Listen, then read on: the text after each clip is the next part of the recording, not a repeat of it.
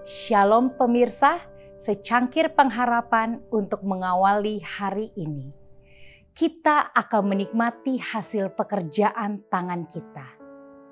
Mereka tidak akan mendirikan sesuatu supaya orang lain mendiaminya, dan mereka tidak akan menanam sesuatu supaya orang lain memakan buahnya sebab umur umatku akan sepanjang umur pohon, dan orang-orang pilihanku akan menikmati pekerjaan tangan mereka.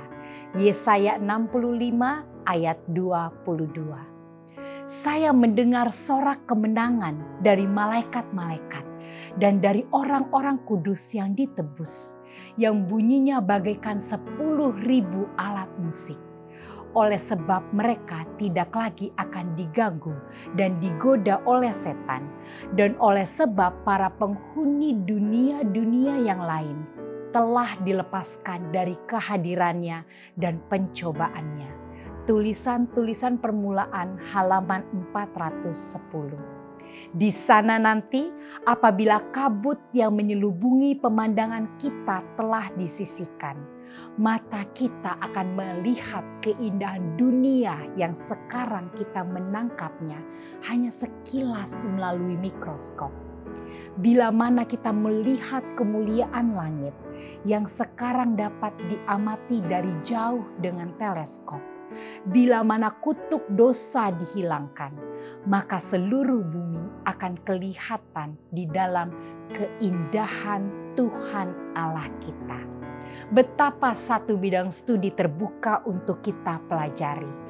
Di sana, pelajar ilmu pengetahuan dapat membaca catatan-catatan penciptaan dan tidak menemukan catatan-catatan yang mengingatkan kepada hukum kejahatan dia boleh mendengarkan suara musik alam dan tidak menemukan catatan ratapan atau rintihan duka cita. Di dalam semua benda-benda ciptaan, ia dapat menemukan satu tulisan tangan, dan alam semesta yang luas memandang nama Allah tertulis besar, dan tidak ada lagi tanda sisa dosa atau kejahatan di bumi atau di laut atau di langit. Seri Membina Keluarga Jilid 3 halaman 281. Bangsaku akan diam di tempat yang damai, di tempat tinggal yang tentram, di tempat peristirahatan yang aman. Yesaya 32 ayat 18. Tidak akan ada lagi kabar tentang perbuatan kekerasan di negerimu tentang kebinasaan atau keruntuhan di daerahmu, engkau akan menyebutkan tembokmu selamat dan pintu-pintu gerbangmu pujian. Yesaya 60 ayat 18. Demikianlah renungan kita hari ini.